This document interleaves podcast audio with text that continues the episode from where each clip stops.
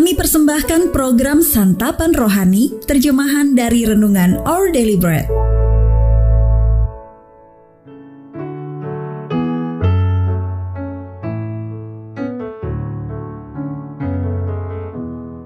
Sahabat ODB, pembacaan Alkitab hari ini terambil dari kisah para rasul pasal yang ke-15 ayat yang ke-36 sampai dengan ayat yang ke-40. Kisah para rasul pasal yang ke-15 ayat yang ke-36 sampai dengan ayat yang ke-40.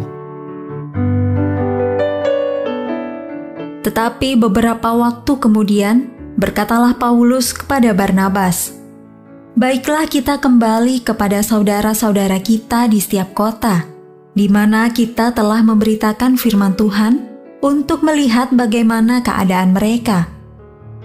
Barnabas ingin membawa juga Yohanes yang disebut Markus, tetapi Paulus dengan tegas berkata bahwa tidak baik membawa serta orang yang telah meninggalkan mereka di Pamfilia dan tidak mau turut bekerja bersama-sama dengan mereka.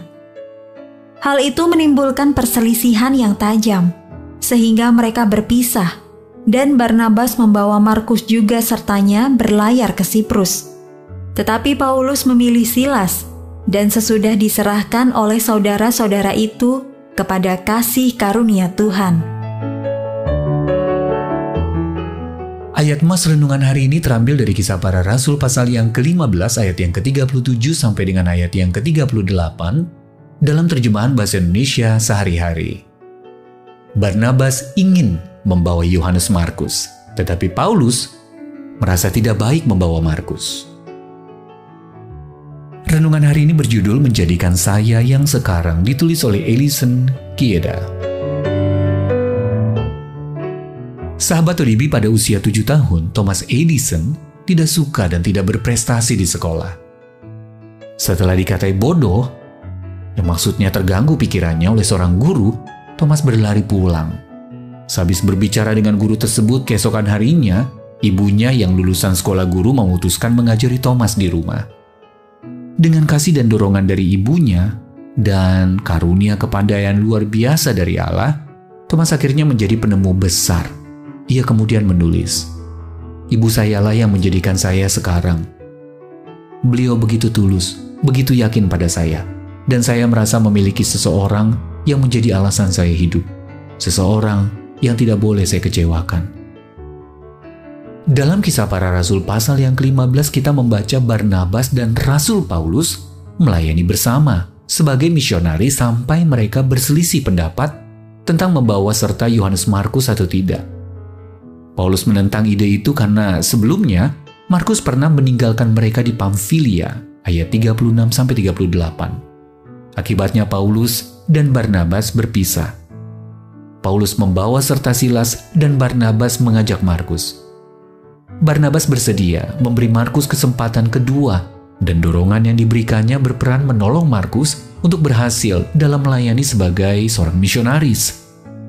Markus sendiri kemudian menulis kitab Injil dan bahkan menjadi penghiburan bagi Paulus yang dipenjara. 2 Timotius pasal yang keempat ayat yang ke-11. Banyak dari kita dapat melihat ke belakang dan menyebut seseorang yang pernah memberi kita semangat serta berperan besar dalam hidup kita. Allah mungkin memanggil Anda untuk melakukan hal yang sama bagi seseorang dalam hidup Anda. Siapa yang akan Anda semangati?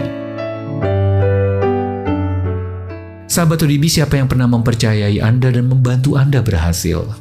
Dan apa yang ia lakukan untuk menyemangati Anda? Ya Allah terima kasih karena Engkau menyertaiku dan menempatkan orang-orang dalam hidupku yang berperan dalam menjadikan diriku yang sekarang. Our daily bread